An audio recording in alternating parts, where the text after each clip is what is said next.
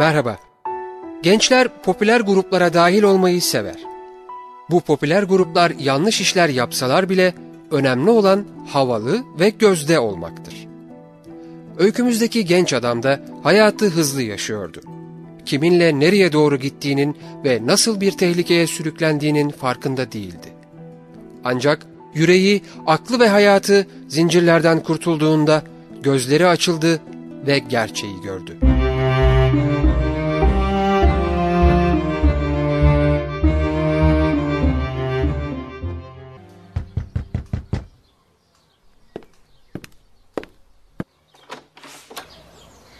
Hey Jim, ne iş bu saatte? Birileri bu sabah kiliseye ekmiş anlaşılan. Babam sonunda cezamı kaldırdı. Ben de buraya koştum. Hadi eğlence zamanı. Uzulama bir bakmam lazım. Bira için param var mı? Evet, cuma günü haftalığımı aldım. İçimizden birini çalışıp para kazanması iyi bir şey adamım. Bu hafta ipin ucunu fena kaçırdım. Sarhoşluktan bir adamın bisikletinin gidonunu ters takmışım. Fark etti mi peki? evet düzelttim. Allah'tan tek başımaydım da kimse görmedi. Babamın arabası. Hadi turlayalım.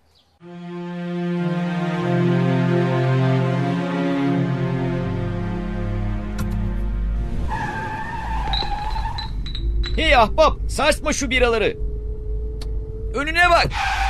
Önüne bak. Baban seni oyacak adamım. Yan bastık dostum. Baksana polis varmış. Sirenleri yaktı. Bize doğru geliyor. Sıkı tutun. Şu biraları yok et. Peki ya Esrar ne olacak? Sakla bir yere.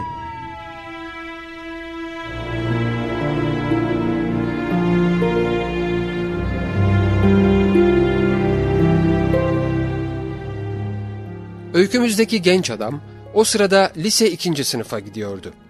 Ve birçok genç gibi o da her şeyi en az bir kez denemeye hevesliydi. Özellikle de yetkiye meydan okumasını sağlayan şeyleri.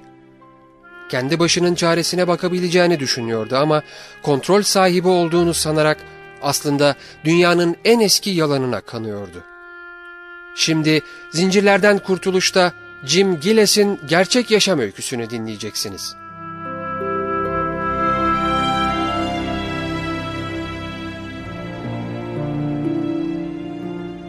Evansville, Indiana'da büyüdüm. Babam başarılı bir işletmenin ortağıydı. Üç abim ve bir kız kardeşim vardı. Ailem birbirine bağlı ve dindardı. Pazar günleri kiliseye giderdik. Özel bir okulda okuyorduk. Sporu seviyordum ve yazları küçükler beyzbol liginde oynuyordum. Ancak 12 yaşına geldiğimde asi yönüm kabarmaya başladı. Bugün okulda ceza aldığını duydum Jim. O öğretmen çok kötü biri baba. Hiçbir şey yapmamıştım. Hep öyle derler zaten. Ben ciddiyim. O kötü bir kadın. Beşinci sınıflardan bir çocuğu ite kaka okul dolaplarına yapıştırdığını gördüm. Mutlaka bunu hak edecek bir şeyler yapmıştır. Daha önce ona cevap veren bir çocuğun kafasını nasıl sıraya yapıştırdığını da anlatmıştım. Siz de cevap vermeyin. O kadın okuldaki en iyi öğretmenlerden biri. Size ders verdiği için şanslısınız. Kuralları biliyorsun. Okulda sorun demek, evde de sorun demektir. Üç gün cezalısın. Ama baba, bugün Bayan Potter'ın bahçesindeki yaprakları süpürecektim. O paraya ihtiyacım var. Tamam, yaprakları süpür sonra da hemen eve dön.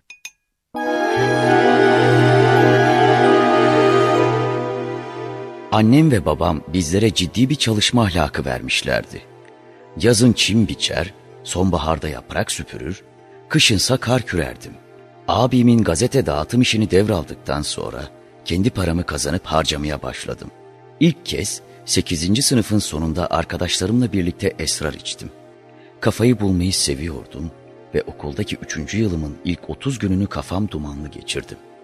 Bir gün bisikletimin gövdesini mahallemizdeki bir bisikletçiye götürmüştüm. Ne yapmak istiyorsun Jim? Daha hızlı olması için bu gövdeye daha büyük tekerlekler takmak istedim. Ama kendim beceremedim. Bu gövdenin genişleyebileceğini fark ettin değil mi? Evet, Çoğu kimse bunu fark edemez bile. tekerleği olan her şeyi, özellikle de yarış bisikletlerini severim. Kaç yaşındasın? 15. Bu dükkanda yarı zamanlı olarak çalışmak ister misin? Evet, tabii isterim Bay Sanders.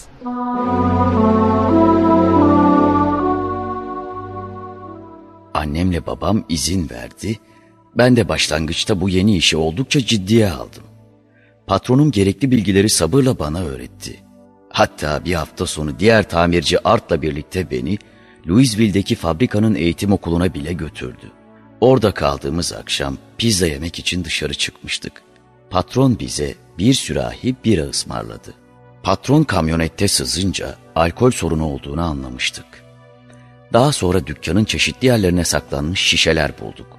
Aksi ve geçinmesi zor bir insan olan karısı yüzünden içtiğini tahmin ediyorduk. O kadına nasıl katlanıyorsun Jim? Ah bir fırçek. O cadalozdan uzak duruyoruz. Bugün müşterilerden birine kötü davrandı. Sonra patron müşteriyi arabasına kadar takip edip özür dilemek zorunda kaldı. Sonra da karısına bir daha müşterilerle konuşmamasını söyledi. Ve sen de gelip orada çalışmamı istiyorsun. O kadın dışında bir sorun yok dostum. İstediğimiz kadar içiyoruz. Sence beni işe alırlar mı? Elbette. Ben senin için patronla konuşurum. Evet. Bir tiryaki gibi esrar içiyor dersin. Ama sakın unutma. Karısından uzak durmalısın.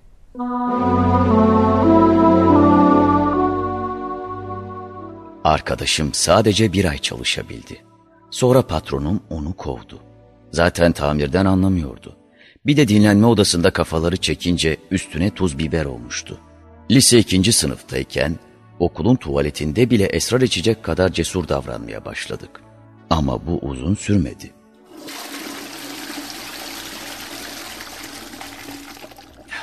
İyi mi almış? İçinde kokain de var değil mi? Kafam iyiyken bundan daha güzelini sarabilirim. Daha hiçbir kitabın kapağını bile açmadım biliyor musun? Kafan iyiyken beden eğitimi dersine girmeyi denedin mi hiç? Evet. Güzel oluyor. Hatta biyoloji dersinde esrar bile içtim. Kaçının tekisin Jim. Özel bir pipom var. Bak duman çıkarmıyor. Etrafta birileri varken bile eğilip sıranın altında içebiliyorum. Çok matraksın ahbap. İşte şimdi yandık.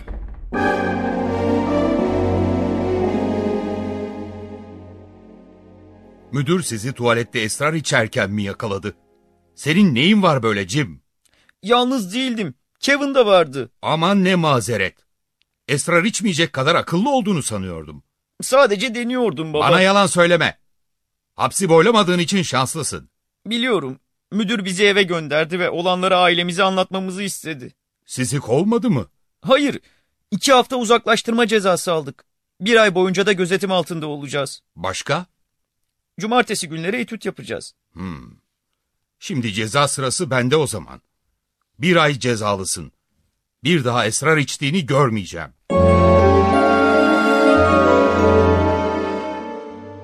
Yetkiye karşı çıkmak alışkanlık haline gelmişti. Arkadaşımla cezamız süresince ve etüt saatlerinde esrar içmeye devam ettik. Babam mahallede bisikletle gezmeme izin veriyordu. Ancak esrar aldığım satıcının mahallede oturduğundan habersizdi. Ben de onun evine gidiyor, orada esrar içiyordum. Bir ay sonra cezam sona erdi ve arkadaşımla dolaşmaya çıktık. O akşam arabayla telefon direğine çarptık ve polis bizi tutukladı. Bu bardağı taşıran son damla oldu Jim. Arabayı ben kullanmıyordum baba. Kevin yaptı. Sen hiç suçlu olmazsın zaten değil mi? Ben ne yaptım ki? Polis arabada bira olduğunu ve onları camdan dışarı attığınızı söyledi. Ne olmuş sanki? Herkes bira içiyor. Bu yasaya aykırı. Hem seni uyuşturucu konusunda uyarmıştım. Benim arabam değildi. İçinde uyuşturucu olduğundan haberim bile yoktu. Benimle tartışma. Senin palavralarına karnım tok artık. Hiçbir şey olmaz baba. Kevin'in babasının sağlam tanıdıkları var.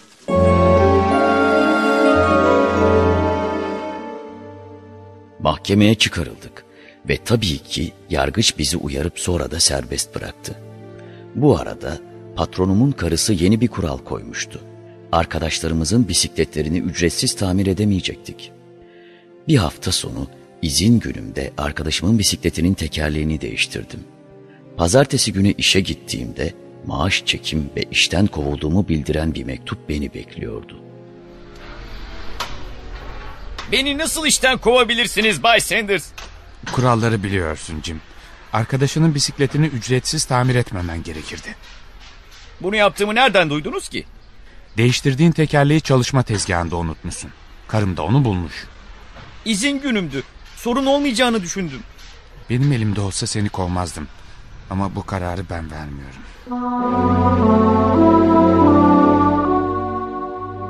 Çok geçmeden başka bir bisiklet dükkanında iş buldum. Sahibi tekerlekli sandalye kullanan bir adamdı. Dükkanın arka tarafına nadiren uğradığından, orada uyuşturucu kullanıldığından ve satıldığından habersizdi. Dükkandaki bütün tamirciler uyuşturucu kullanıyorduk. Ciddi olamazsın. Dükkanın arka tarafında uyuşturucu mu satıyorsunuz yani? Evet, zulamızı çekmecelerde saklıyoruz. Patron oralara asla bakmaz.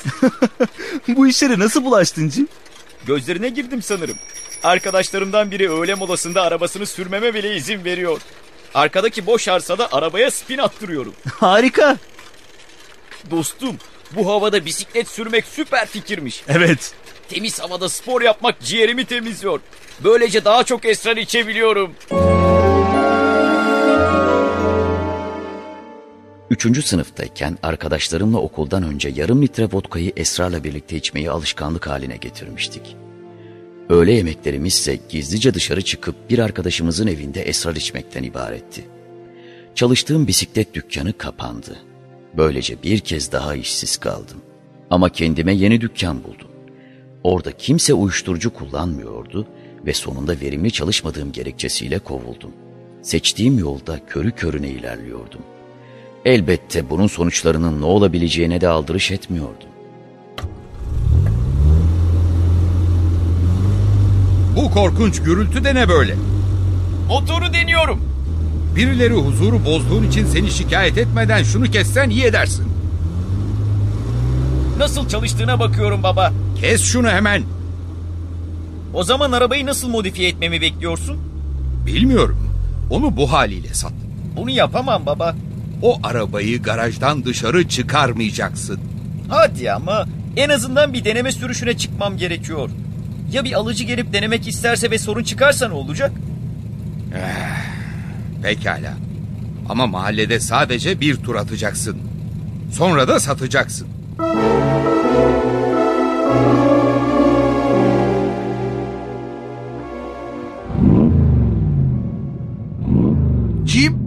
adamım. İşte buna modifiye ederim ben. Tam 500 beygir gücünde.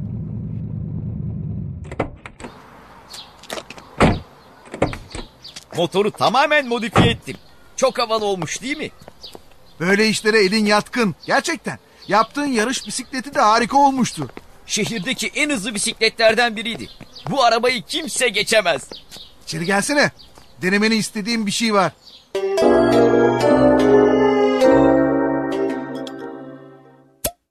İnanabiliyor musun? Babam bu arabayı satmamı istiyor.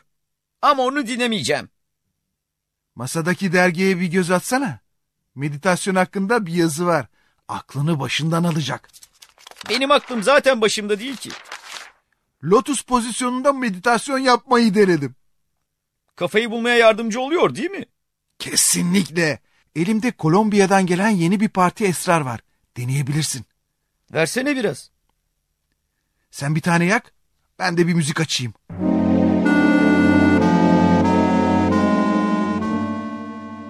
Arabamı satmadım. Onunla etrafta turluyor, sürekli benimle yarışacak birilerini arıyordum. Ancak benzin almak için paraya ihtiyacım oluyordu.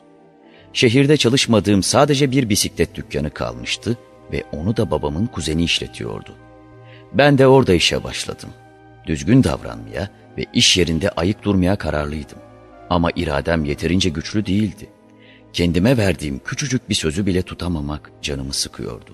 Son sınıfa geldiğimde akla gelebilecek her türlü uyuşturucuyu denemiş ve hatta eroin bile kullanmaya başlamıştım. Bir akşam kardeşimin evinde bir parti vermiştik. Gecenin saat iki buçuğunda ev arkadaşı Dave geldi. Yakın bir zamanda kurtuluşa kavuştuğunu söylemeye başlamıştı. O gece elinde bir kutsal kitap vardı. Kutsal kitap şöyle der. Öyle yol var ki insana düz gibi görünür. Ama sonu ölümdür. Ne kadar sıkıcı. Geri gelin çocuklar. Bunları dinlemelisiniz. Romalılar 3. bölüm 23. ayet der ki, Herkes günah işledi ve Tanrı'nın yüceliğinden yoksun kaldı. Günah yüzünden hepimiz Tanrı'dan ayrı kaldık. Tanrı hiç kimsenin doğru olmadığını söyler. Herkesin gözünü korkuttun Dave. Yargı da şudur. Dünyaya ışık geldi ama insanlar ışık yerine karanlığı sevdiler. Çünkü yaptıkları işler kötüydü. Bu konuda tartışamam ahbap. Romalılar 6. bölüm 23. ayetin ne dediğine bakalım. Günahın ücreti ölüm. Tanrı'nın armağanı ise Rabbimiz Mesih İsa'da sonsuz yaşamdır. Bu kadar çok şeyi nasıl biliyorsun? Cim, Tanrı'nın biricik oğlu İsa Mesih'i bizleri yargılaması için değil, bizim yerimize ölmesi için dünyaya gönderdiğinin farkında mısın? İsa o çarmıha senin için gerildi. Senin için kanını akıttı ve öldü. Sonsuz yaşama kavuşabilesin diye günahlarının bedelini ödedi. Bu çok büyük bir bedel dostum. Evet ve hepsi bu kadar da değil. Romalılar 10. bölüm 9. ve 10. ayetlere bir bak. İsa'nın Rab olduğunu ağzınla açıkça söyler ve Tanrı'nın onu ölümden dirilttiğine yürekten iman edersen kurtulacaksın. Çünkü insan yürekten iman ederek aklanır, imanını ağzıyla açıklayarak kurtulur. Yapma ama Dave. İçimi parçalıyorsun. Bunu yapan ben değilim. Rab yüreğine dokunuyor Jim. Hayatını ona ver.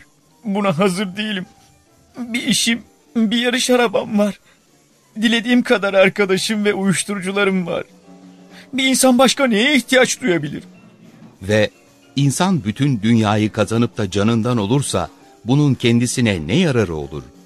İsa Mesih bizi uyardı.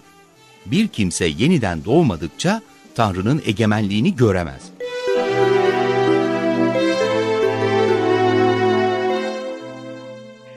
Tanrı'nın sözüne direndim ve kendi aldatmacalarımın peşinden gitmeye devam ettim. Yalanlara öyle boğulmuştum ki gerçeği ayırt edemiyordum. Bencilliğim yüzünden hayatımda başka kimseye yer açmıyordum. Hatta mezuniyet gecesinde baştan çıkardığım kıza bile. Onunla aramızda geçen tek şey uygunsuz bir birliktelik oldu. Ve bu birliktelik iki ay sonra bana hamile olduğunu açıkladığında tam bir krize yol açtı. Kız arkadaşın nasıl Jim? Ona kürtaj yaptırmasını söyledim. Ama zaten gerçekten hamile değilmiş. Annesi doğum kontrol hapı kullanmasını tavsiye etmiş. Ne kadar da açık fikirliymiş. Baba olmaya hazır değilim. Ne maddi ne de manevi olarak. Evet evet. Çocuk sahibi olmak havanı fena halde bozardı. Hiçbir kuvvet beni rock konserlerini bırakıp beşik sallamak zorunda bırakamaz. Kaç rock yıldızının aşırı dozdan öldüğünü hiç düşündün mü? Bu onların yaşam biçimi dostum. Sahnedeyken kankadırlar ama özel hayatlarında kavga edip birbirlerinin kız arkadaşlarını ayartırlar. ne olacak iki yüzlüler. Evet ama onların hatalarından ders alabiliriz.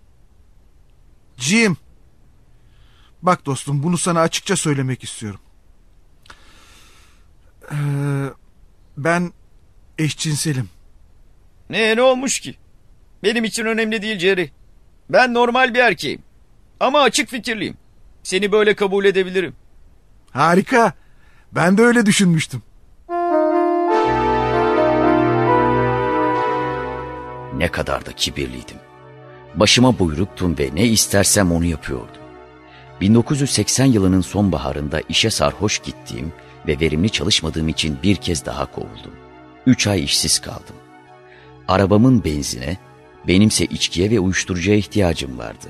Ben de kapı kapı dolaşıp para kazandıracak bir iş aramaya koyuldum. Ama hiç iş bulamadım. Bunalıma kapılmış bir halde bisikletime bindim ve yollara düştüm. Yolda giderken kardeşimin ev arkadaşı Dave'e rastladım. Jim, nasıl gidiyor? Pek iyi değil. Sen nasılsın Dave? Hadi birkaç dakikalığına içeri gel de biraz ısın. Teşekkür ederim. Dışarı iş aramak için çıkmıştım. Ama pek şanslı bir günümde değilim herhalde. Kasım ayında işler kesat olur. Cesaretini yitirme. Yine mi şu tabela? Hangi tabela? Şu işte. Kime kulluk edecekseniz bugün karar verin yazan. Ben ve ev halkım Rabbe kulluk edeceğiz. Dave, son bir saat içinde bu tabeladan dört tane gördüm. Önünden geçtiğim üç evinde kapısında bundan vardı. Jim, Tanrı sana bir şey söylemeye çalışıyor. Kime kulluk edeceğine hemen karar versen iyi edersin. İsa'ya mı yoksa şeytana mı? Görünen o ki başına buyruk yaşayan bir insansın. Bu belki de senin son şansın olabilir. Kutsal kitap der ki, uygun zaman işte şimdidir. Kurtuluş günü işte şimdidir. Galiba haklısın. Neden pazar günü benimle kiliseye gelmiyorsun? Tamam, gelirim. O zamana dek kutsal kitap okumaya başla. Pazar gününden önce Matta bölümünden okuyabildiğin kadarını oku.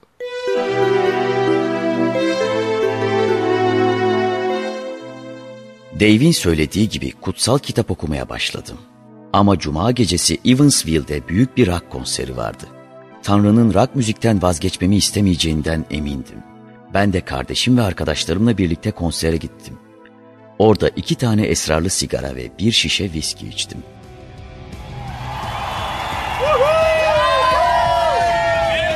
Bu adamlar benim idolüm biliyor musunuz? Sahneye yaklaşmaya çalışacağım. Her birini tek tek görmek istiyorum. Kafana göre takıl dostum. Yeterince uyuşturucun var mı? Evet yeterince var. Keyfim yerinde. Sakın kaybolma.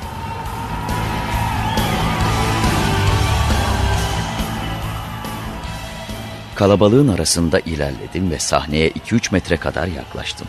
Solo gitarist hemen karşımda duruyor ve gitar çalarken bir yandan da müstehcen hareketler yapıyordu. Sonra grubun solisti elindeki viski şişesini havaya kaldırdı ve şöyle bağırdı. Bu konserde Tanrı bile ruhunuzu kurtaramaz.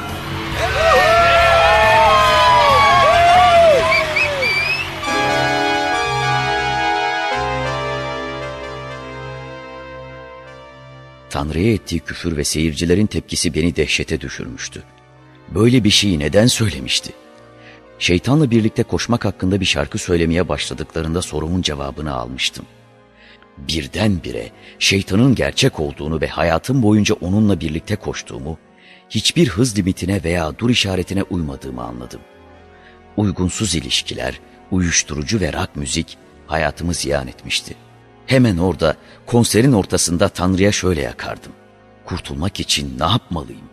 Şeytanla koşmayı bırakıp seninle yürümek istiyorum. Ve Tanrı rock şarkıcısının sözlerini ona geri iade etmem gerektiğini gösterdi. Şöyle bağırdım. Tanrım ruhumu tam burada bu konserin ortasında kurtar.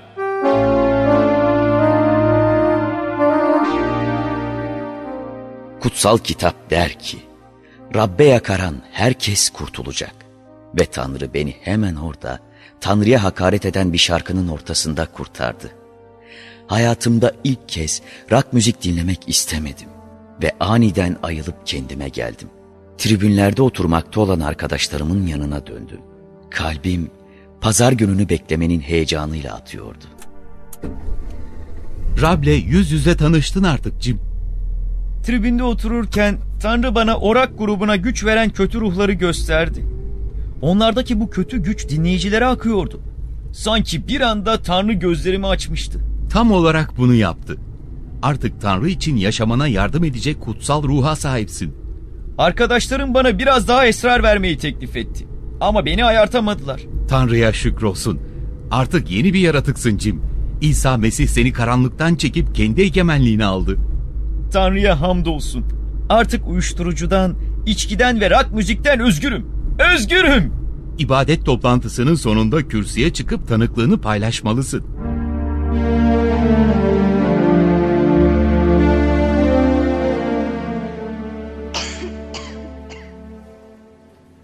Rab İsa'nın adında güç vardır. Kutsal kitap Elçilerin İşleri 4. bölüm 12. ayette şöyle der. Başka hiç kimsede kurtuluş yoktur. Bu göğün altında insanlara bağışlanmış, bizi kurtarabilecek başka hiçbir ad yoktur. Eğer şimdi İsa'yı kurtarıcınız olarak kabul etmek istiyorsanız, öne çıkabilirsiniz.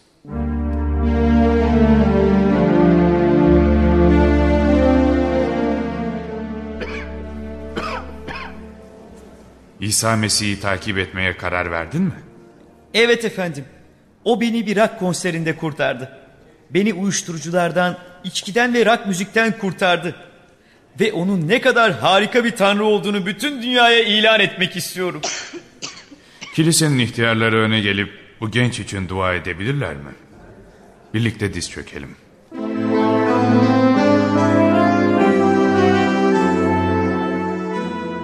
Bir ay sonra yarış arabamı satmaya karar verinceye dek babam gerçekten kurtuluşa kavuştuğumdan şüphe duyuyordu. Bendeki değişimi görünce kendi çalıştığı şirkette bana iş teklif etti. Ayrıca elektronik mühendisliği okumam için okul parasını da ödeyeceklerdi. Nasıl kurtuluşa kavuştuğumu anlatan küçük bir broşür hazırladım. Birkaç yıl sonra aynı rock grubu şehrimize tekrar geldi. Konserden birkaç saat önce stadyuma gittim. Yüzlerce insan kapıların açılmasını bekliyordu. Hepiniz isyankarsınız değil mi? Yoksa burada olmazdınız. Orijinal bir şeyler arıyorsunuz. Ben de sizin gibiydim. Birkaç yıl önce bu grubu dinlemeye geldim ve Tanrı bana onların ve dünyanın sunduğu şeyin ne kadar boş olduğunu gösterdi. Seks, uyuşturucu ve rak asıl gerçeği örter. İsa Mesih hayatlarınızda eksik olan gerçektir. Dünyadaki en huzur verici, en mutluluk verici şeyi arıyorsanız yüreğinizi ve hayatınızı İsa Mesih'e verin. O sizi cennete götürecek. Ne kadar sıkıcı. Uyuşturucu bir tuzaktır. Ama İsa Mesih sizi özgür kılacak. Uyuşturucu sizi paranoyak yapar. Ama İsa Mesih sizi kendine benzetir. Şeytanla koşmak ölüme götürür. Ama İsa Mesih'le yürümek yaşama, sonsuz yaşama götürür.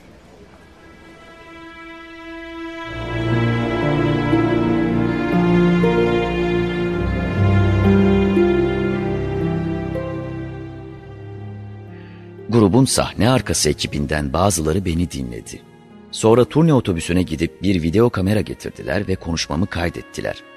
Videomu ve tanıklığımın kopyalarını rock grubunun üyelerine göstereceklerini söylediler. Birkaç yıl sonra o rock grubunun bir turne sırasında benim konuşmamı izlediğini ve Tanrı'nın sözlerinin amacını yerine getirdiğini öğrendim. Her birimizin Tanrı'ya karşı mı yoksa onun yanında mı olacağını seçmesi gerekir. Siz Tanrı'yı ve verdiği sonsuz yaşamı seçin.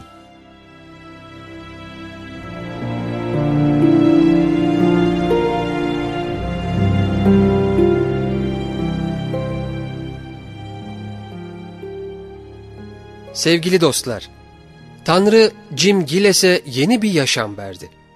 Bugün mutlu bir evliliği ve iki çocuğu var. Artık Tanrı'ya hizmet ediyor. Güç ve yücelik Tanrı'ya aittir. O der ki, hırsız ancak çalıp öldürmek ve yok etmek için gelir. Bense insanlar yaşama, bol yaşama sahip olsunlar diye geldim.''